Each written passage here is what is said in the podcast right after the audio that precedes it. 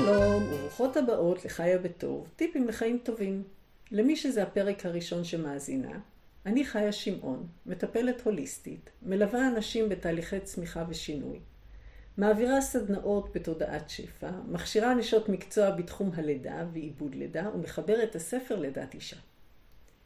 בפודקאסט משתפת אתכם בכלים שצברתי במהלך השנים, שיסייעו לכם לחיות חיים טובים ושמחים.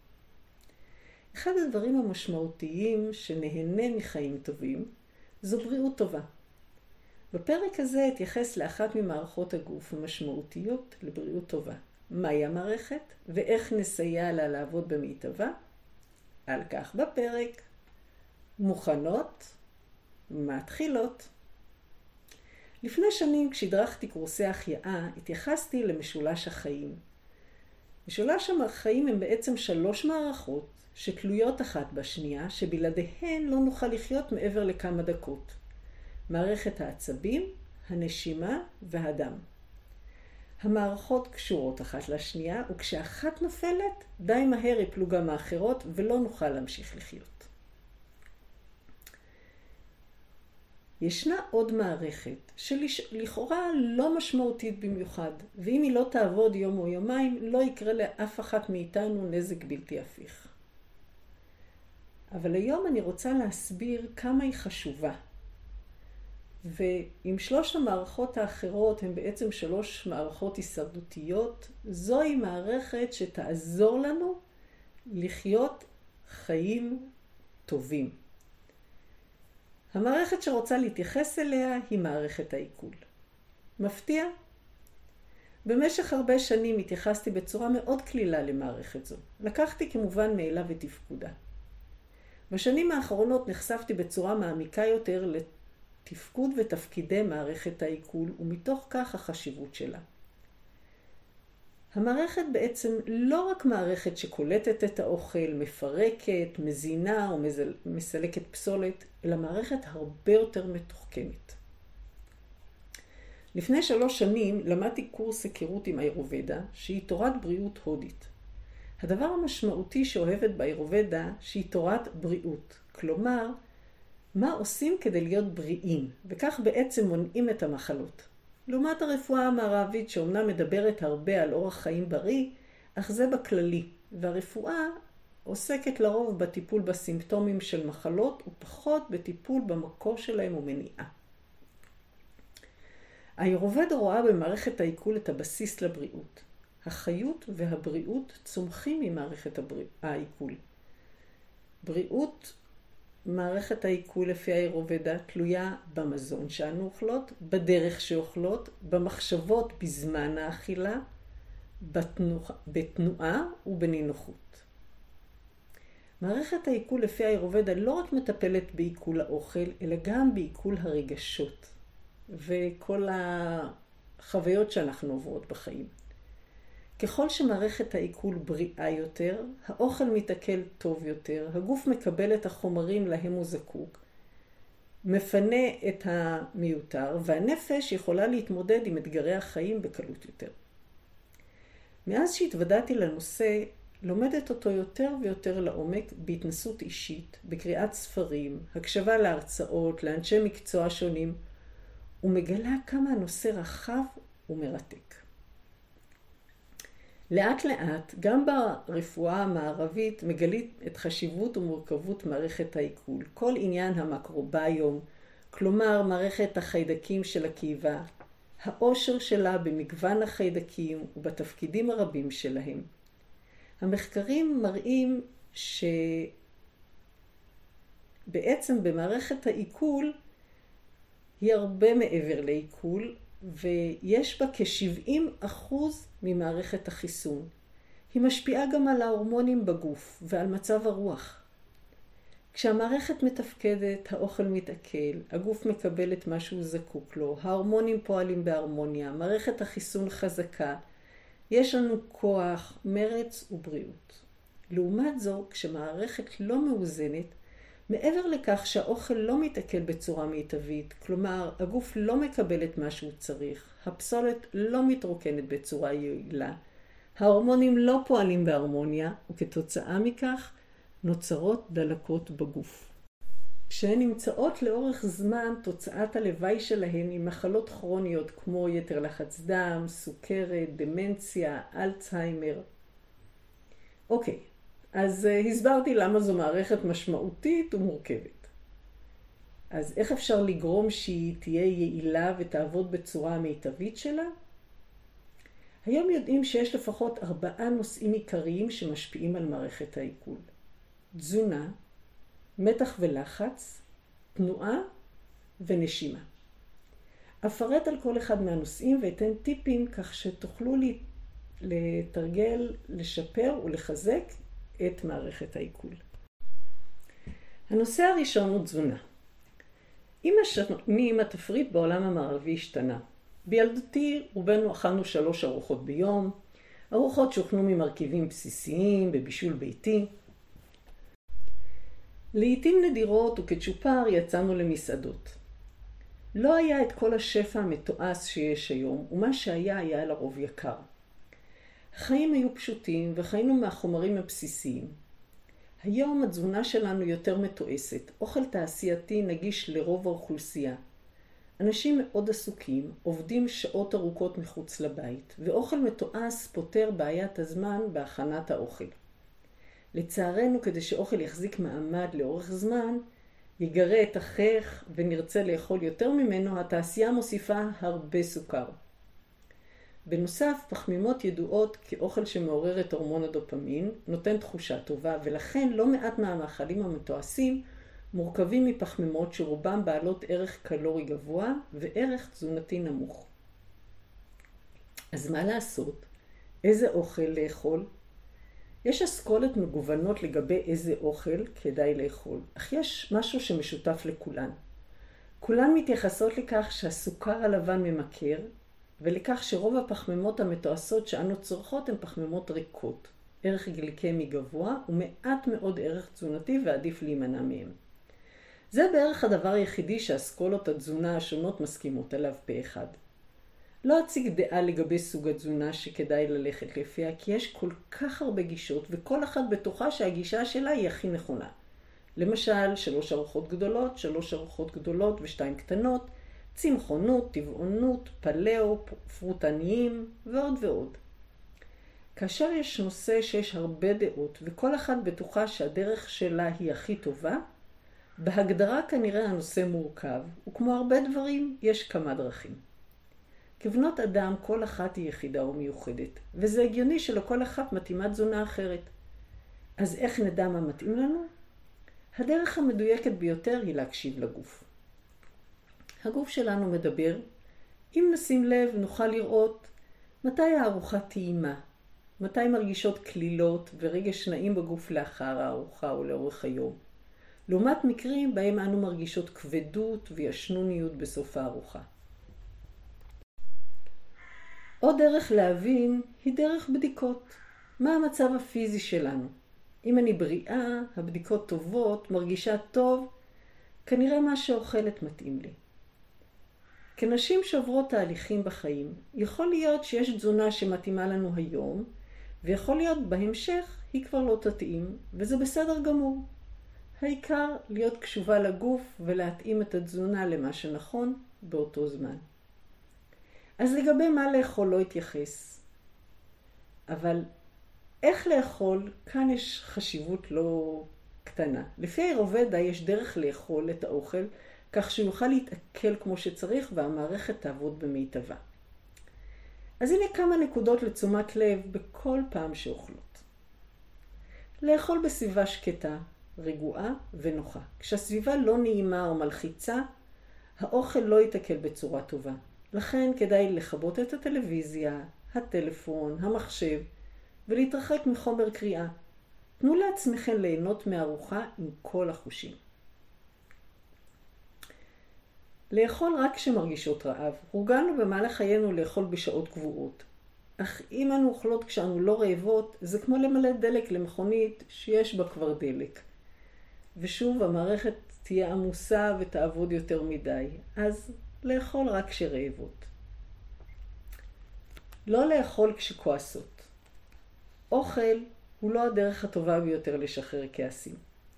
אם כועסות, לפני שאוכלות, כדאי לצאת להליכה, או לעשות משהו אחר שמשחרר כעסים, או שגורם שמחה. ואז, כאשר שוב רגועות, לשים לב. אתן רעבות? או שאפשר להמשיך בלי לאכול והרעב בעצם היה אה, משהו רגשי. תמיד לשבת כשאתן אוכלות.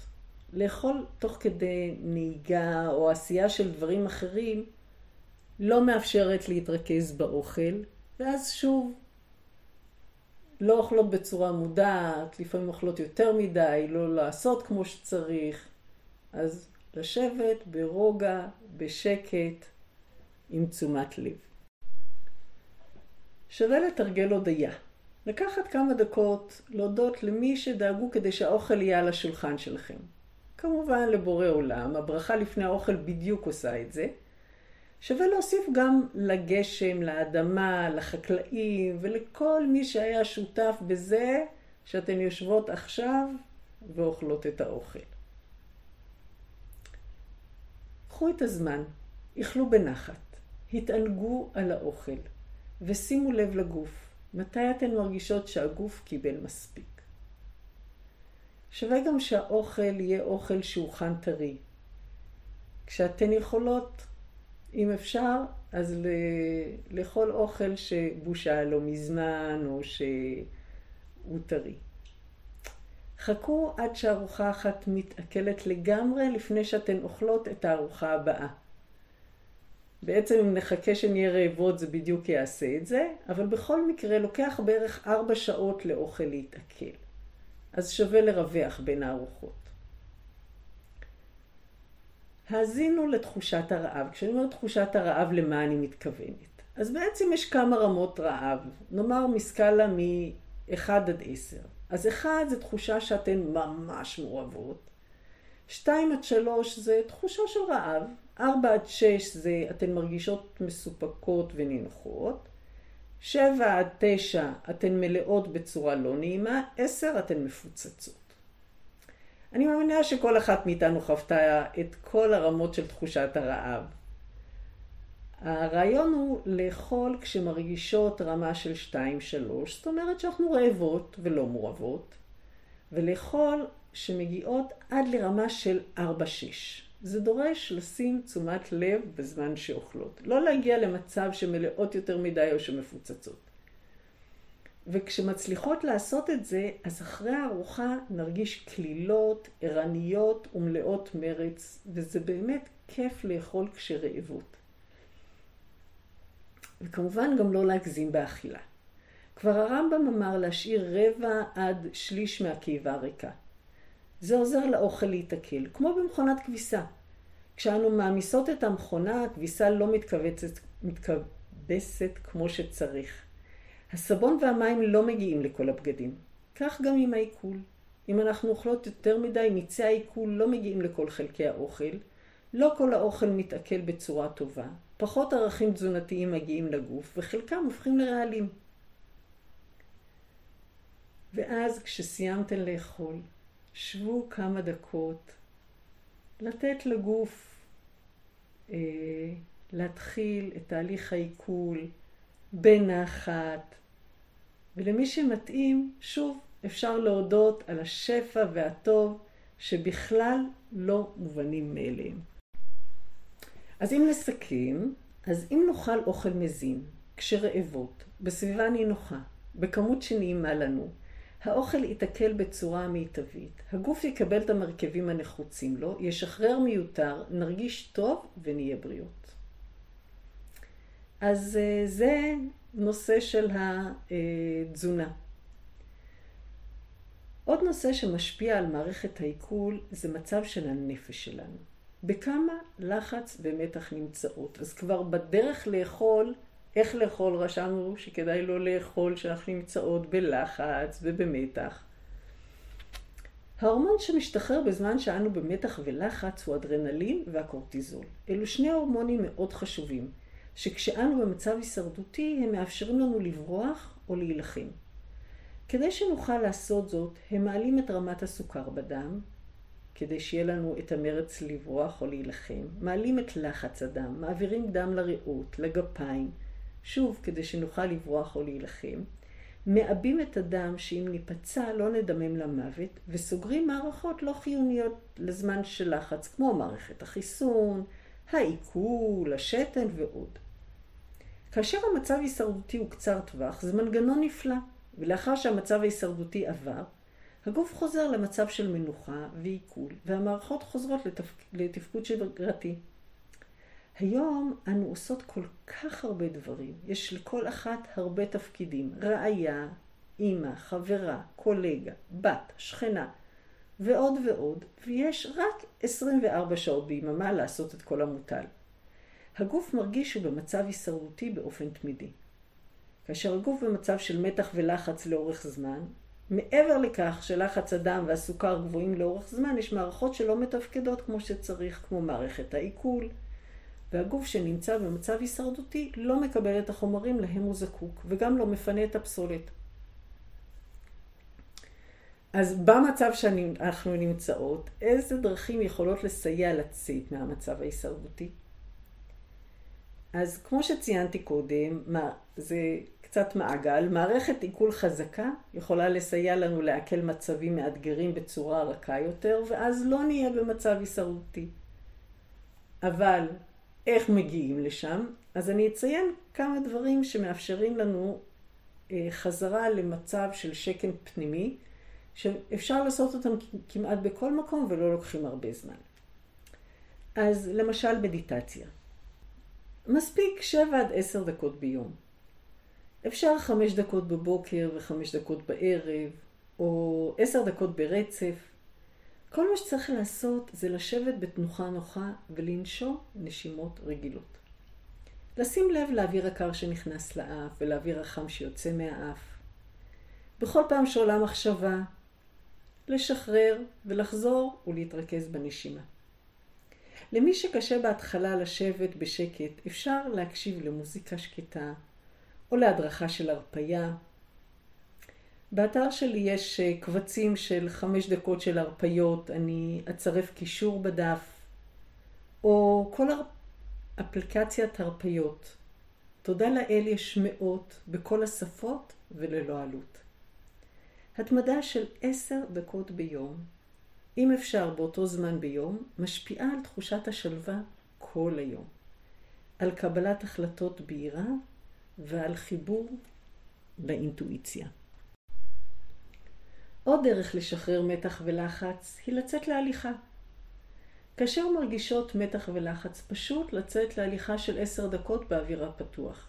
כן, אפשר גם בלב תל אביב, מסביב למשרד, לצאת החוצה, בדיוק איך שאת לבושה, וללכת עם הבגדים שעלייך. הכל טוב, פשוט לצאת לצעידה של עשר דקות. זה משנה את כל התחושה ואפשר להמשיך ממקום אחר. הכרת הטוב. כשאת נמצאת בשיא הסערה, אפשר לעצור לרגע ולציין עשרה דברים שמודים עליהם בחיינו. לא בחשיבה, אלא ממש במילים, בקול או בכתב. כאשר רואות את החלק המלא של הכוס, מערכת העצבים נרגעת והתחושה כלילה יותר.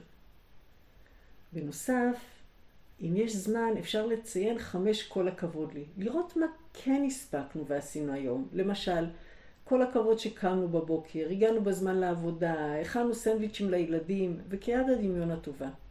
כל הדברים האלה הם לא מובנים מאליהם, וכל הכבוד לנו עליהם. אחרי שהכרנו והוקרנו את מה שכן עשינו, קל יותר להמשיך בנחת עם שאר המשימות ממקום שקט. רגש הוא אנרגיה בתנועה. באנגלית זה נשמע יפה כזה, זה emotion, זה בעצם energy in motion. ואפשר לעשות לו טרנספורמציה.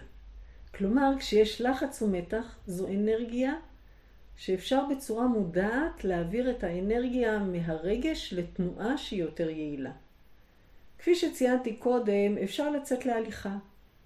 אפשר גם לצייר, פשוט לקחת דף, למלא אותו בתנועות משמעותיות בצבע עד שלא יראו את הצבע של הדף. אפשר גם לקרצף את הבית או כל פעילות פיזית מתוך כוונה לתעל את הרגש למקום יעיל יותר. התחושה לאחר מכן היא של שחרור ורוגע. עוד פעם, זה לא דבר שלוקח הרבה זמן, מספיק חמש דקות ואנחנו במקום אחר. יש עוד תרגיל שאני אוהבת, אני קוראת לו תרגיל הבלון.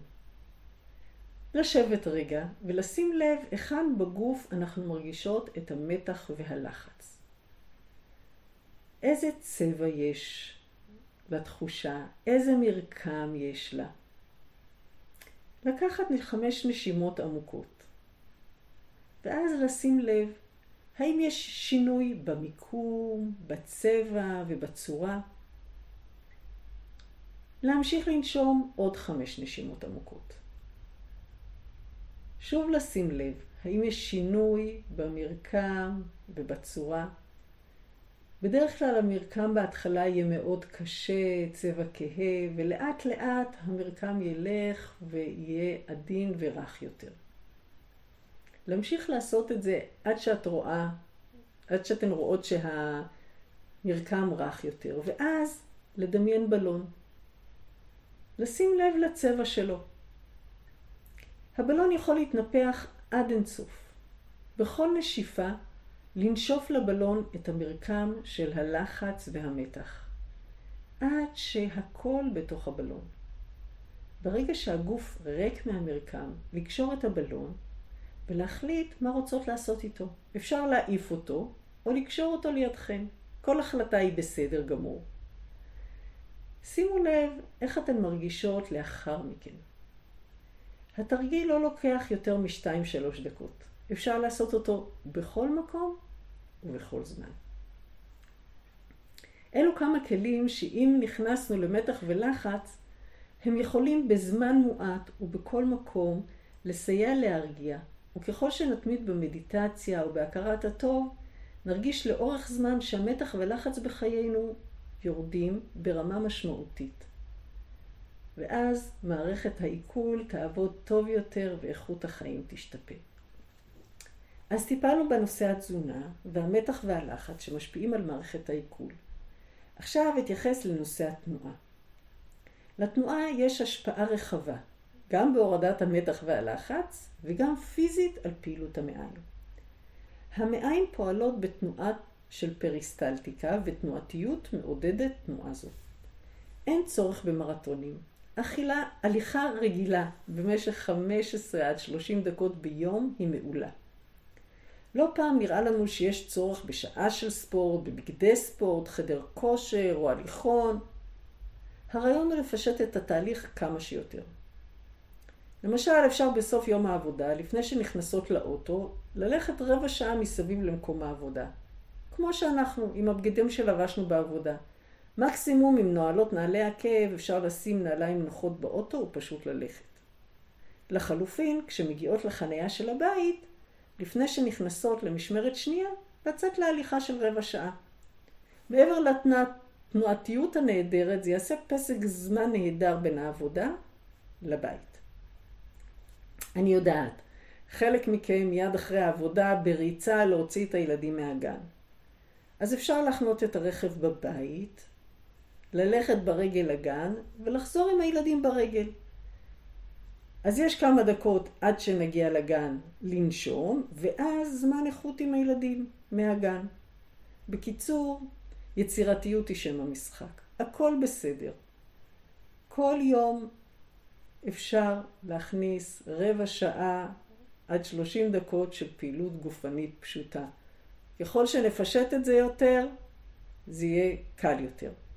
המדהים הוא שכשעושות פעילות גופנית מתונה, התיאבון מתאזן ואוכלות פחות. אז בעצם יש לנו שלוש ציפורים במכה אחת. גם אוכלות פחות, גם המתח והלחץ יורד, וגם פעולת המעיים עובדת טוב יותר. התחום האחרון שאתייחס כאן לסייע לתפעול תקין של מערכת העיכול הוא הנשימה. איבר הנשימה המשמעותי הוא השרעפת. השרעפת נמצאת בין הריאות והמעיים. בכל שאיפה השרעפת יורדת, ובכל נשיפה היא עולה. כל נשימה ותזוזה של השרעפת עושה מעין מסאז' לאיברים הפנימיים בבטן.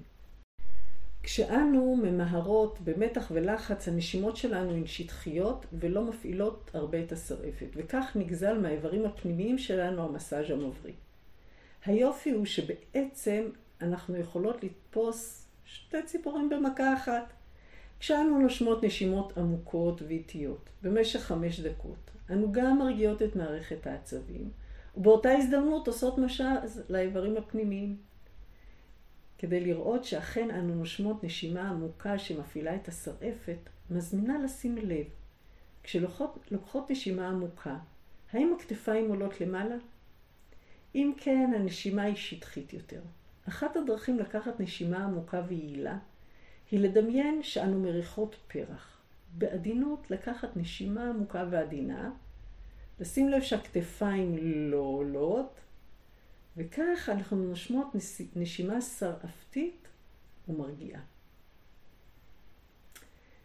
לסיכום, מערכת העיכול שלנו חשובה וחיונית לבריאות טובה שלנו. הדברים שמשפיעים עליה הם תזונה, מתח ולחץ, תנועתיות ונשימה. בפרק נתתי כמה כלים שיסייעו לנו לאכול מה שנכון לנו, ברוגע ונחת, לשחרר מתחים, להניע את הגוף ולנשום נשימות שרפתיות. הדברים הפשוטים האלה יסייעו למערכת העיכול לפעול במיטבה, ואנו נזכה בבריאות טובה, נחת והתמודדות טובה עם אתגרי החיים. זהו להפעם. עד הפרק הבא, שלום ולהתראות. לסיכום, מערכת העיכול שלנו חשובה וחיונית לבריאות טובה שלנו. הדברים שמשפיעים עליה הם התזונה, מתח ולחץ, תנועה ונשימה. בפרק נתתי כמה כלים שיסייעו לנו לאכול מה שנכון לנו, ברוגע ונחת, לשחרר מתחים, להניע את הגוף ולנשום נשימות צרפתיות. הדברים הפשוטים האלה יסייעו למערכת העיכול לפעול במיטבה, ואנו נזכה בבריאות טובה, נחת והתמודדות טובה עם אתגרי החיים. זהו להפעם. עד הפרק הבא, שלום ולהתראות.